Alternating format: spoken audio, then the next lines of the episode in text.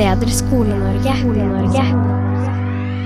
Ok, så Her om dagen så jobba vi i samfunnsfag, og så har vi om sosial ulikhet. og Det er en sånn helklassediskusjon, og elevene snakker litt om sosial ulikhet og hvordan fremtiden kan bli. og eh, Selvfølgelig, som i alle diskusjoner, så kommer chat-GPT snikende inn, hvor en elev rekker opp hånda og sier Du, Kristian, tror du det i fremtiden blir sånn at samfunnet er liksom de rike, smarte, kloke menneskene på toppen, og at de snakker ned til maskinene, eller den kunstige intelligensen, som igjen snakker ned til de lavest rangerte menneskene i samfunnet. Da. Og da ble det en interessant eh, diskusjon om hvor dystopisk framtiden kanskje kan bli. da. Velkommen til Et bedre Skole-Norge, podden hvor vi forsøker å dele gode eksempler og jobbe på for å få det norske skolesystemet til å bli verdens beste. Som vi har berørt tidligere, er vi verdens fjerde best finansierte skolesystem, så det er antageligvis ikke penga det står på, men et eller annet annet. Uansett, vi jobber oss nærmere gode løsninger i dag, og temaet i dag er hvordan vi kan forløse mer av det digitale potensialet. Vi skal snakke om hvordan man kan få til god differensiering i ulike fag. Og i tråd med introen her, så hører vi jo at eh, det kan eh, kanskje oppstå sosial ulikhet i framtida hvis vi ikke er litt nøye med å differensiere godt. Så der har vi en eh, sammenheng. Velkommen hit, professor Øystein Gilje og ressurslærer i FIX, Merete Helner Nilsen og Christian Holm. Tusen takk for det. Takk for det. Et bedre Skole-Norge. Skole-Norge.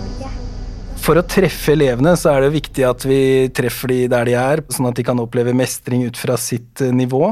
Og da er jo differensiering eh, veldig smart å benytte, og det har vi jo visst i alle år. Men nå har vi det digitale i tillegg som kan hjelpe oss. Det er jo litt sånn at hver eneste elev har en assistent i klasserommet, på sett og vis, gjennom det digitale. Men det er jo sånn at man ikke bare kan pælme inn en eh, Chromebook inn i et klasserom og satse på at det går bra. Man må jo, man må jo være god på differensiering og det digitale i tillegg. Så da hopper jeg rett i det. Hva er god design av undervisning med tanke på arbeidsformer og differensiering? Jeg kan begynne med arbeidsformer. Fordi at jeg tror at før vi kommer til eh, differensiering, så må vi si at vi egentlig prater liksom under den paraplyen som vi kan tenke er klasseledelse i digitalt klasserom.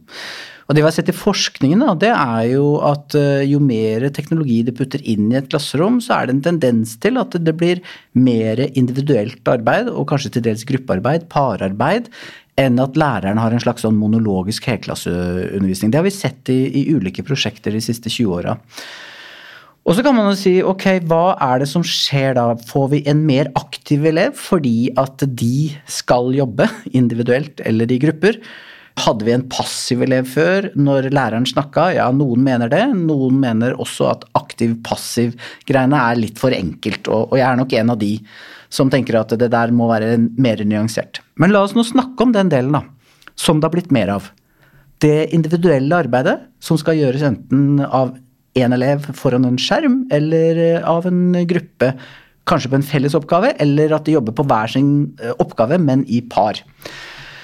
Og da har i hvert fall jeg, da, og her må Christian og, og Merete hjelpe meg, for det er de som ser hvordan denne undervisningen skjer uh, i, i, hverdagen. Men jeg har i hvert fall i, i noen prosjekter sett at uh, oppgavene selvfølgelig kan differensieres fordi det ligger inne i læremiddelet allerede. Et digitalt læremiddel er annerledes enn en, en, bok, fordi at en tekst kan på en måte skrives om og gis på ulike nivåer. Så kan man hente opp også fra andre trinn, fordi at man har tilgang til alle sju trinna hvis man jobber på barneskolen, istedenfor bare å ha sjetteklasseboka i norsk, f.eks. Så der er det jo liksom I mulighetsrommet for differensiering så er jo digitalisering veldig, veldig stor eh, Hva skal vi si fordel eh, framfor sånn som det var før. Men så er det veldig mange andre måter å tenke om differensiering på, tenker jeg. Fordi at eh, læreren har jo egentlig alltid differensiert. Og det bygger jo på kjennskapet til hver enkelt elev. Hvordan må jeg snakke med denne eleven for at den eleven skal få god tilbakemelding og komme seg videre. Og på dette området sant, så sitter jeg jo sammen med to stykker som har eh, ekstremt mye erfaring. Først, eh, og i hvert fall du Merete, i, i det mer sånn papirbaserte klasserommet. Og nå liksom i det digitale klasserommet. Så dere kan jo se sammenligningen, kanskje. Jeg tenker det som Øystein sier med at det digitale gir en god mulighet for differensiering, det er veldig riktig. Og spesielt det med digitale læremidler. Jeg underviser på 9. trinn.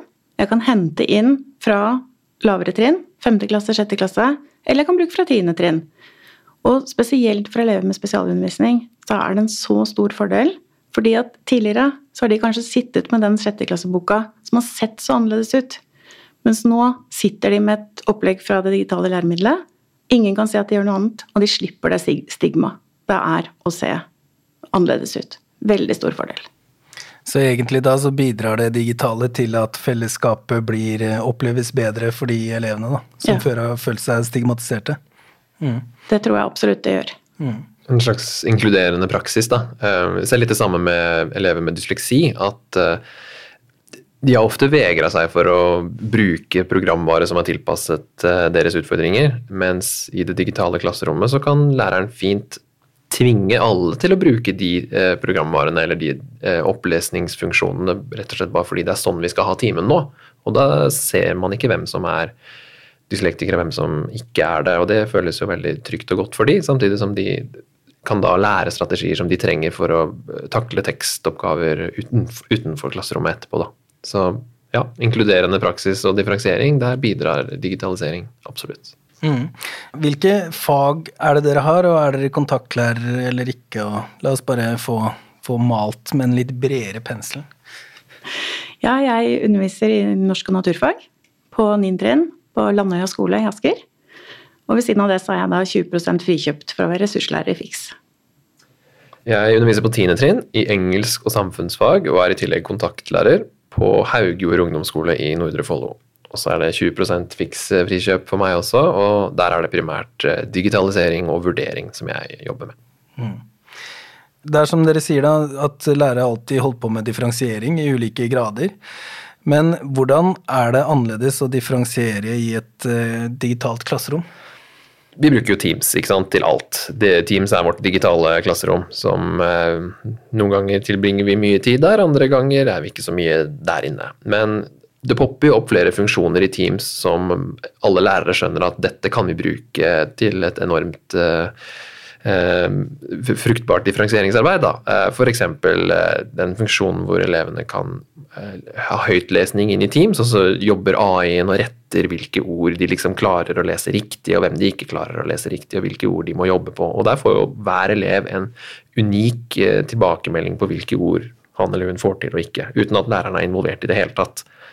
Jeg har ikke testa den funksjonen. Hva heter den funksjonen?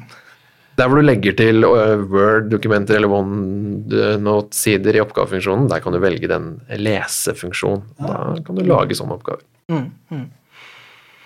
Jeg tenker jo mye differensiering handler jo også om relasjoner. Og de relasjonene gjøres jo ofte best face to face, og er sikkert de samme som de alltid har vært. Men så er det jo fordelen med det digitale også, og jeg underviser jo norsk som sagt, og jeg er veldig tilhenger av hvis vi har en skriveøkt eller en eh, fagdag, gammeldags tentamen, så jeg er veldig opptatt av at det skal skje i prosess. Og jeg ønsker å gi tilbakemeldinger underveis i den dagen. Og da er det jo sånn at noen trenger mye hjelp, noen trenger lite hjelp. Og det å kunne da sitte utenfor rommet og bare veilede digitalt direkte inn i teksten, gi mye veiledning til dyslektikerne og litt mindre til de som klarer seg godt, det syns jeg er en veldig stor fordel. Ja, vi tror det er mange som ikke har gjort det noe særlig. Da må du få de til å øve på det eller noe sånt i fredstid, holdt jeg på å si, før den fagdagen. Ja, både òg. Altså, vi, vi skriver mye på den måten med veiledning underveis. Men så jeg, tenker jeg også at selve fagdagen er jo en øving. Så det å få dem til å forstå det at det, ja, du skal få en karakter og en vurdering, men det er jo bare en del av øvingen og underveisvurderingen. Så om du mislykkes, om du tester ut noe som ikke fungerer så godt, så gjør jo ikke det noe. Da har du prøvd. En av de tingene som jeg tenker er nytt med digitalisering, det er jo at du til viss grad oppløser litt sånn tid og rom. For det er helt enig med Merete at det er klart at relasjonen må ligge i bunn. Og så må på en måte det digitale rommet, som Christian snakker om, eh, være der og, og bli forstått, og ikke være et roterom, men et ryddig Teams-rom. Og det tror jeg også er liksom en del av grunnmuren her for å få til den differensieringen. fordi at da da er det på en måte kjøreregler og forståelser av dette rommet. Men nettopp det med at du liksom kan koble tidsdimensjonen fra det å gi eh, den differensierte, det gjør jo at, at eh, måten de jobber med oppgaver, hva uttrykket utad for eleven er. sånn at det er ikke Jeg husker liksom sjøl når jeg var lærer i det veldig analoge klasserommet, sånn, så var det liksom De flinke elevene gikk og hentet ekstrahefte. Liksom, bare den måten de gikk på gjennom klasserommet liksom, for å plukke opp dette heftet, og var litt borti her og litt borti der og sånne ting, for de andre som satt og sleit, det er jo en sånn fysisk situasjon som vi på en måte ikke har nå. Så dermed så blir en del av differensieringen og det kan jo høres ganske drøyt ut, kanskje, men det å kunne liksom lukke ting inne i et digitalt rom, slik at det ikke blir synlig for alle andre, det er veldig fint. Og så vet vi fra forskningen, og det, det ser jeg særlig i det prosjektet som vi gjør ute i Bærum kommune med iPader og tilbakemelding, at mange elever opplever at uh, lærerens stemme når de gir en muntlig tilbakemelding som en lydfil, det er en veldig personlig tilbakemelding. Og noen ganger, særlig i matematikk f.eks., så modellerer læreren opp hvordan de skal gjøre en uh, regneoperasjon med en liten video på en helt annen måte enn det å liksom bruke tiden i rommet, altså det fysiske rommet, og gjøre det på for den ene eleven som trenger. Og det blir ikke synlig for de andre at denne eleven trengte kanskje å se den videoen tre ganger. Mm. Vi har litt erfaring på min skole også ved å gi lydtilbakemelding til elevene. Og eh, spør vi elevene hvordan det var da å få tilbakemelding på teksten de har skrevet eh, ved en lydklipp, fremfor å lese et avsnitt med 'dette fikk du til, dette kan du bli bedre på på slutten', så sier veldig mange elever at uh, det var veldig fint å høre stemmen din, fordi da hører jeg jo at du er vennlig når du gir tilbakemeldingen. Fordi det er jo et litt sånn noen ganger tungt budskap man skal komme med, da. At uh, disse verba sitter fortsatt ikke. og da, det trygger de faktisk, at, at uh, de hører at det blir sagt med et smil og vennlighet, da. Det er jo kanskje ikke alltid så lett å få til i gangen mellom to timer, eller etter skoletid, eller live i klasserommet. Mm. Så man unngår egentlig veldig mye sosial sammenligning, da, for å si det på en pen måte, når man utnytter det digitale på en god måte. Da. Altså, vi har jo delt noen gode forslag allerede til hvordan vi kan få til digital eh, differensiering, men nå er jeg sånn gira på å bare dypdykke i detaljene.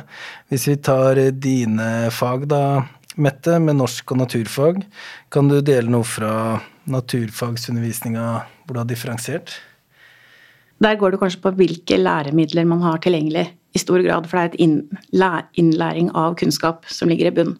Så der er differensieringen viktig. Og så tenker jeg at der går det jo på valg av eh, produkt du vil levere, da. Hvordan vil du bli, eh, bli vurdert? Fordi at eh, naturfag er et fag hvor du kan virkelig boltre deg. Vil du gjøre det skriftlig, muntlig, vil du lage en podkast, vil du lage en presentasjon? Så, så, den muligheten som ligger i differensiering på at eleven selv velger vurderingsform, den er veldig veldig stor i naturfag. fordi det, det er jo faginnholdet vi vil ha tak i at eleven kan. Og hvilken måte den presenterer på, vil jo da være helt opp til eleven selv å bestemme. Og da er det jo nettopp digitaliseringen som gir kjempestore muligheter for det. Mm. Jeg bare kjører på her for å få litt masse eksempler. Du og Kristian i samfunnsfag, hvordan tenker du det kan gjøres bra der? Åh, oh, jeg hadde et eksempel på engelsk klart nå. Kan jeg ta det i stedet? Ja, ta det i stedet. Uh, jo, altså I engelsk så brukte jeg tidlig husker jeg, en nettside som heter Read Theory. Jeg vet ikke om dere har hørt om den. Det er hyppig frekventert av lærere. Hvor elevene lager seg en profil, og så kjører de gjennom en slags kort lesetest. Ehm, jeg ber alltid elevene svare bevisst feil på den testen, sånn at de starter på bunn. Og Da fungerer programmet sånn at eh, det kaster tekster på deg som du leser, og så svarer du på noen korte spørsmål som du da må ha rett. Og så får du nok level 1-tekster riktig, så rykker du opp til level 2 og 3 og 4 og sånn. Og her rykker jo de flinke elevene kjapt opp til level 10, fordi programmet skjønner at de har god tekstforståelse, mens de svake står litt lenger på nivå 2, 3 og 4, da. Og eh, det motiverer jo de å komme seg opp i nivå osv. Og, så og det er jo altså differensiering hardcore differensiering, dette her, som sjarmerer og inspirerer mange lærere. Men til slutt så blir det liksom urelevant for elevene, fordi de tekstene bare kastes mot dem. Så differensieringen Det er sånn tveget sverd, da. Eh, det må fortsatt være engasjerende for elevene, samtidig som um, vi må jo gjøre det vi kan for å skille litt på de og i tillegg.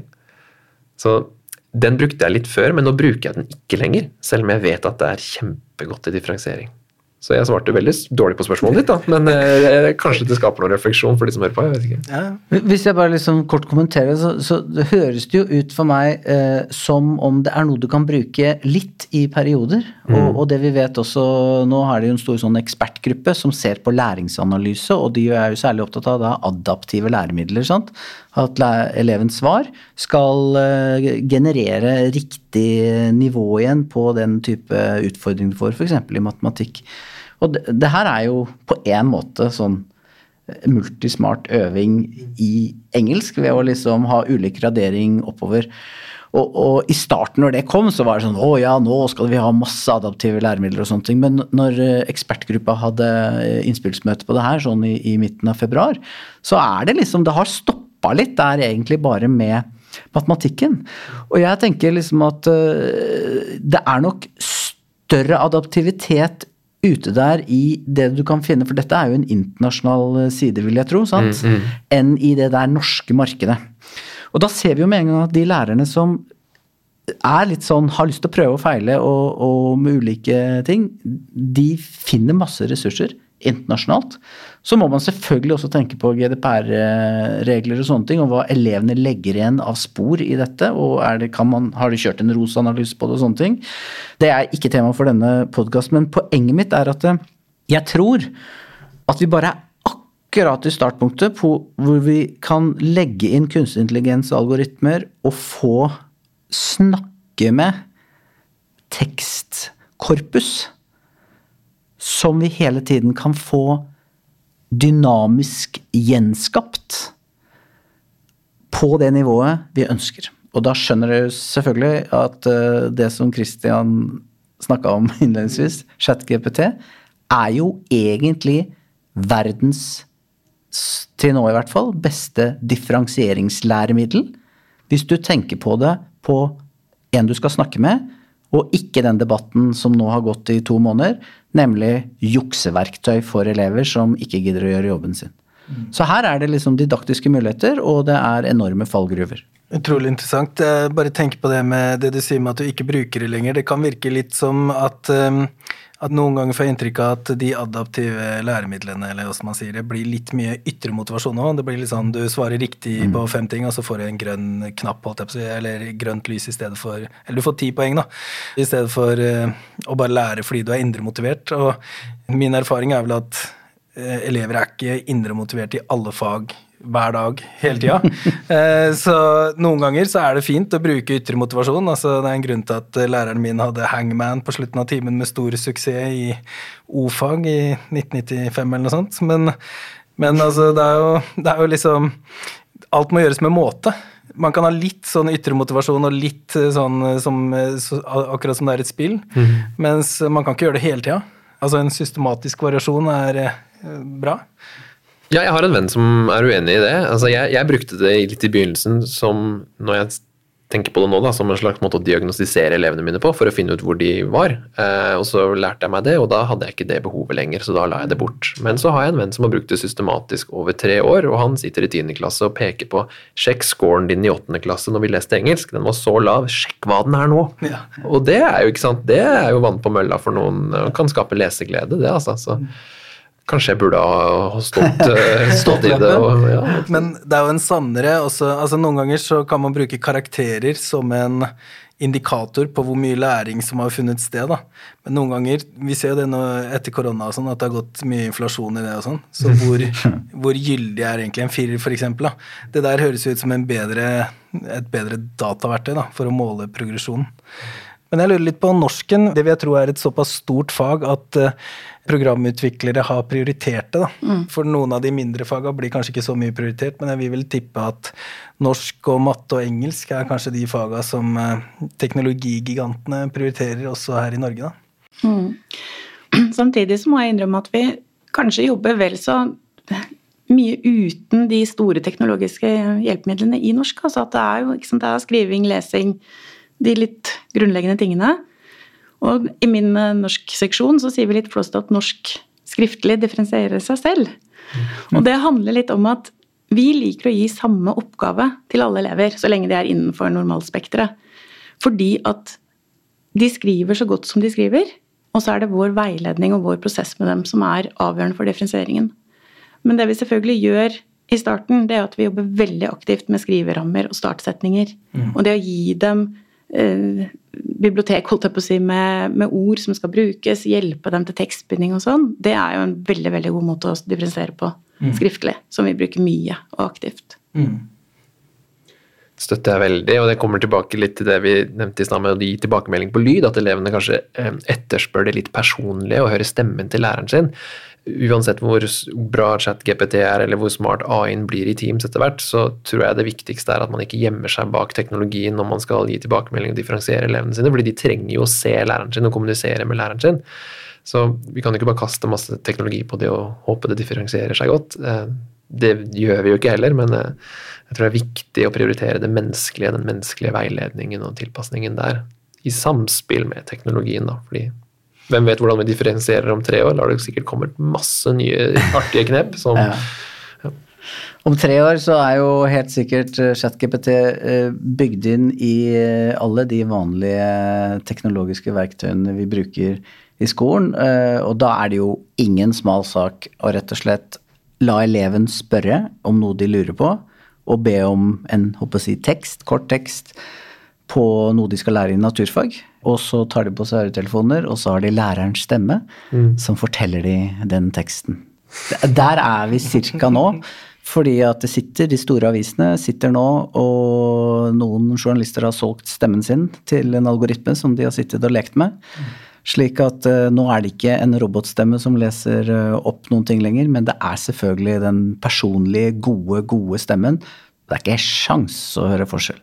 Så kanskje er det sånn at uh, hvis du da liksom vil at elevene dine skal høre læreren fortelle en god historie, så er det ikke noe problem, for du bare gir rett og slett den historien til en algoritme, og så slipper læreren å lese inn det, men den ligger jo da klar, for teksten er klar. Det er kult. Jeg vet ikke om det bare er kult, men, uh, men det er teknisk sett ikke noe problem. Det kan vi gjøre i morgen. Mm, ja. Har vi noen suksesshistorier? Altså, eh, jeg vil tro dere har eh, en del fartstid i skolen begge to. Og er det noe sånn at eh, noe dere ikke kunne gjøre før, det kan dere gjøre nå? Dere, dere kan se at det er bra for elevene? Altså, jeg tenker bare skriverammer. er jo sånn, Det snakka ikke vi om her på skolen hvert fall for fem år siden. eller noe sånt, og bare å ha en bevissthet rundt det er jo bra. Men nå er vi jo først og fremst innom det digitale. Vil du dele litt, eller? Ja, altså jeg eh, du at jeg kan bruke Mye snakk i mediene om at elevene bruker ChatGPT mot læreren som en slags skummelt våpen, men det kan jo vinkles andre veien også. Jeg kan bruke ChatGPT til å lage differensierte elever, nei, oppgaver til elevene mine. Altså mm. skriv et five paragraph essay om rasisme i USA hvor alle verbene er utelatt. Så printer jeg ut det, og så kan elevene fylle inn verbene selv. ikke sant? Mm. Alle disse, altså, de, Våpenet brukes mot oss, men vi kan også snu sverdet og bruke det inn mot elevene. Sverd er kanskje dårlig. det er. Men uh, altså det som er uh, kanskje for mange en trussel, er også kanskje en venn. Uh, hvis man klarer å snu litt på det, da. Mm. Så jeg har brukt ChatGPT mye til å lage forskjellige oppgaver. Eh, litt sånn for å utforske selv og for jeg er nysgjerrig, men jeg tror resultatet har vært at jeg kanskje har skapt differensiert, godt differensierte oppgaver også, da. og det er jo bra. Ja. ja, jeg har snakket mye om norsk skriftlig, og så er det norsk muntlig. Og det er jo interessant, for det handler jo også mye om elevenes personlighet. Hvem er det som tør å snakke i klasserommet? Hvem velger å rekke opp hånden og alt det? Mange, mange momenter som ligger inni det. Og der er det jo forskjellige verktøy vi kan bruke. F.eks. Samtavla, som er utviklet ved Universitetet i Oslo. Som er et veldig fint dialogisk verktøy. Og der har du den muligheten med at man kan stille spørsmål i klassen, og alle elevene kan svare. Og sånn som jeg har brukt det noen ganger, så har jeg brukt sånn at jeg har også litt ulik taksonomi på de ulike spørsmålene. For ofte kan det være sånn man tenker at man bare putter inn et faktaopplysning, da, f.eks.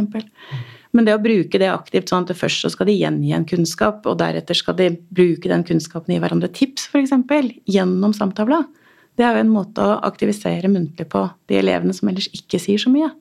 Og der tenker jeg det teknologiske er jo også veldig, veldig nyttig, da. Ofte så kan vi jo tenke på at eh, en del digitale verktøy er nettopp liksom for eh, det individuelle arbeidet, som jeg var inne på innledningsvis, og gruppearbeidet. Men det du sier nå, Merete, det er jo rett og slett at du har et støttestruktur for å skape det vi kaller sånn dialogisk helklasseundervisning.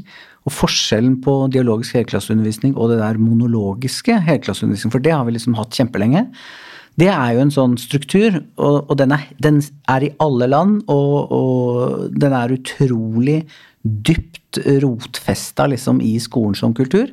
Det er jo at læreren står og snakker, og så for å se om de følger med, så stiller de spørsmål, og så er det fem som rekker opp handa, og så får læreren riktig svar, og så sier læreren ja, det er riktig, og så går læreren videre. Og det er jo ikke dialog i det, det er jo bare en IRF-struktur, som man kaller det. Men denne samtavla den legger jo et sånt digitalt grunnlag for større deltakelse, og på mange måter skal man se på det som du sier, sånn, som en differensiering.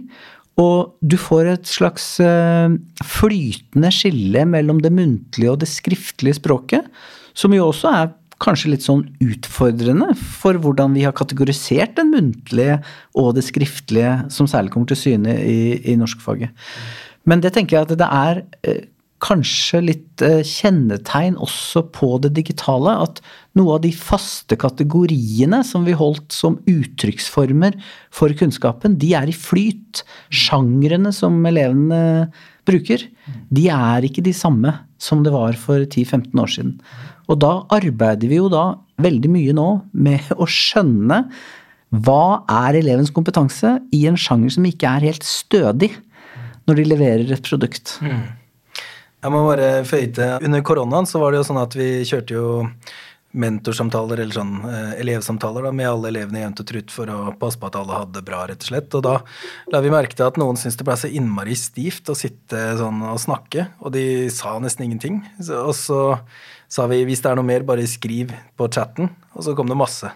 Og det er litt sånn som har fulgt oss etterpå òg, at noen ganger så opplever de at det er vanskelig å si fra muntlig. De er kanskje noe med generasjonen nå, som er oppvokst så mye med skjerm og sånn, men de kan si mye De kan åpne seg i mye større grad da, over det digitale. Så det også er sånn interessant. Det var en nyhetssak denne uken her, var det ikke det? At unge snak de tar ikke telefonen når det ringer, fordi da får de ikke tid til å tenke seg om, og da kan de si noe dumt eller et eller annet sånt. Så de foretrekker skriftlig kommunikasjon. Og unge foretrekker skriftlig kommunikasjon, men de liker ikke å skrive på skolen. Det er jo en motsetning der, da. Men tilbake til samtavla, så er jo nettopp det den henter frem da, hos de litt uh, stille, ofte sterke elevene, som mm. alle lærere tenker at 'du må vise kompetansen din i timen', jente. Og så tør, tør hun ikke det, da. Uh, men samtavla får fiska ut det, uh, og da står det der svart på hvitt. Og alle ser hvor godt reflektert, eller hvor klok denne stille eh, personen til vanligvis, sånn som til vanligvis er så stille. da. Mm. Så den, eh, Man kan jo differensiere på mange mulige måter også, men også i fremstillingsmetode, da, som samtaler mm. funker bra til. Mm.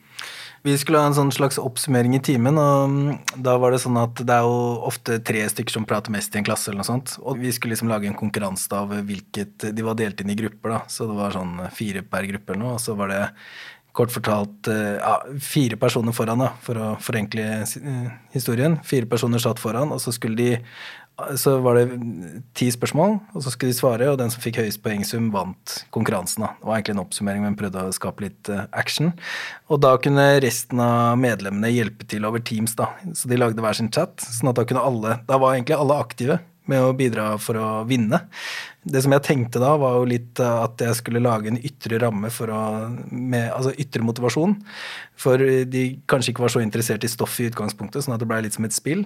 Men samtidig så jobba de jo kjempehardt, så nå kan jo alle forskjellen på nyre- og kulekarakteristikk på mikrofoner, tror jeg, da. Men eh, ja, vi får se. Vi får se.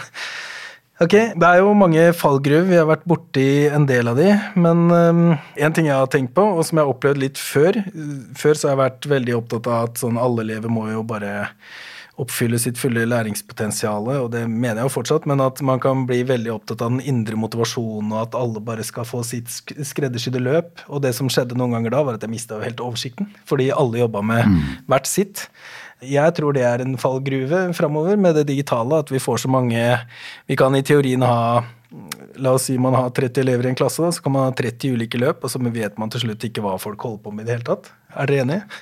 Ja, tematisk så kan det være uoversiktlig hvis 30 elever i samfunnsfag eh, forsker eller driver med helt vidt forskjellige ting. Eh, Men de bruker jo de samme ferdighetene, sannsynligvis. da, Og det er jo i stor grad de ferdighetene læreren skal både modellere og veilede i, og også til slutt, eh, eller forhåpentligvis også underveis, vurdere.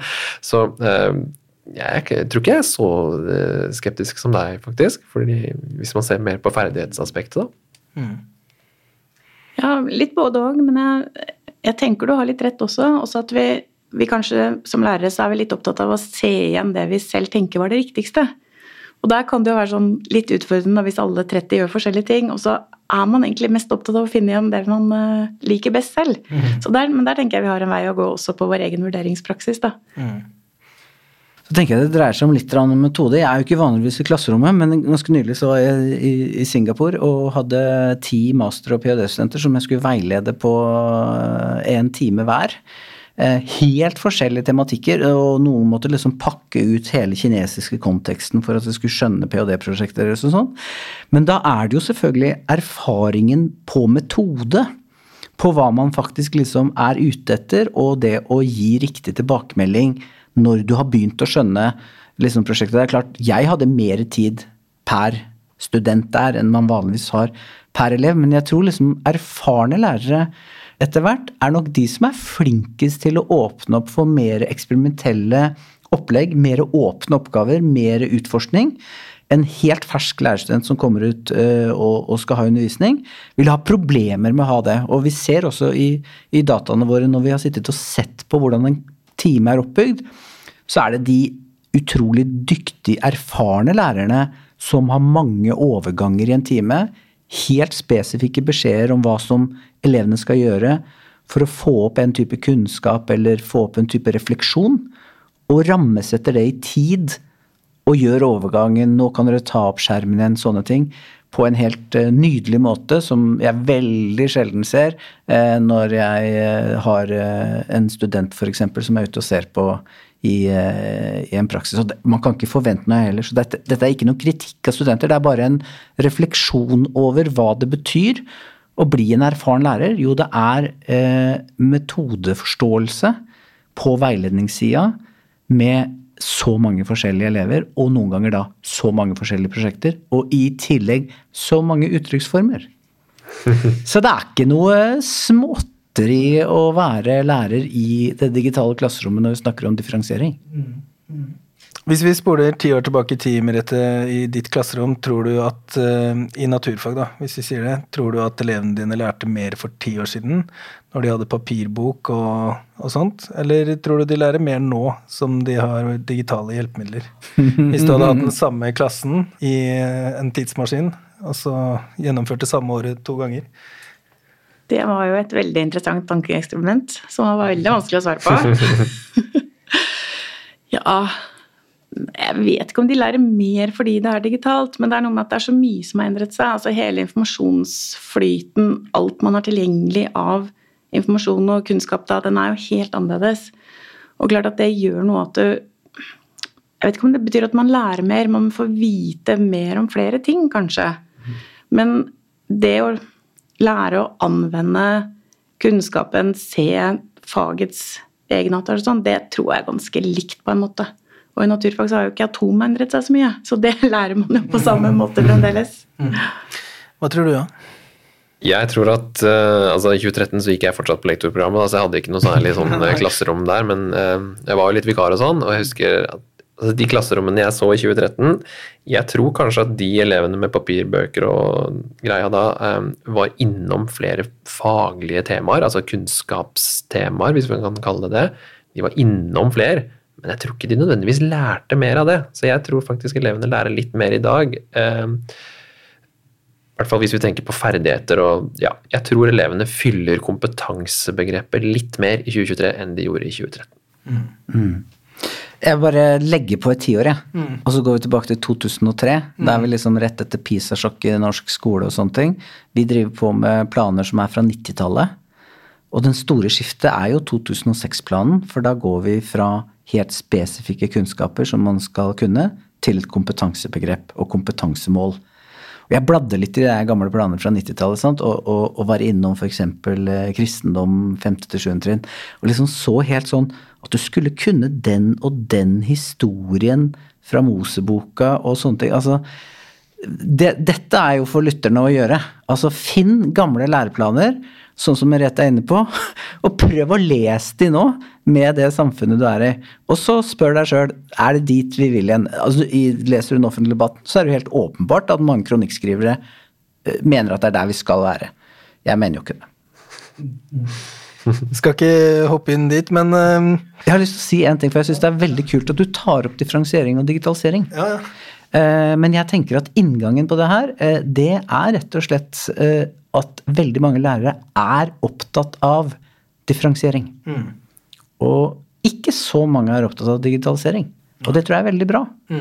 Fordi at differensiering sier så mye mer om å ta vare på elevene og oppfylle formålsparagrafen. Det gjør vi ikke med digitalisering.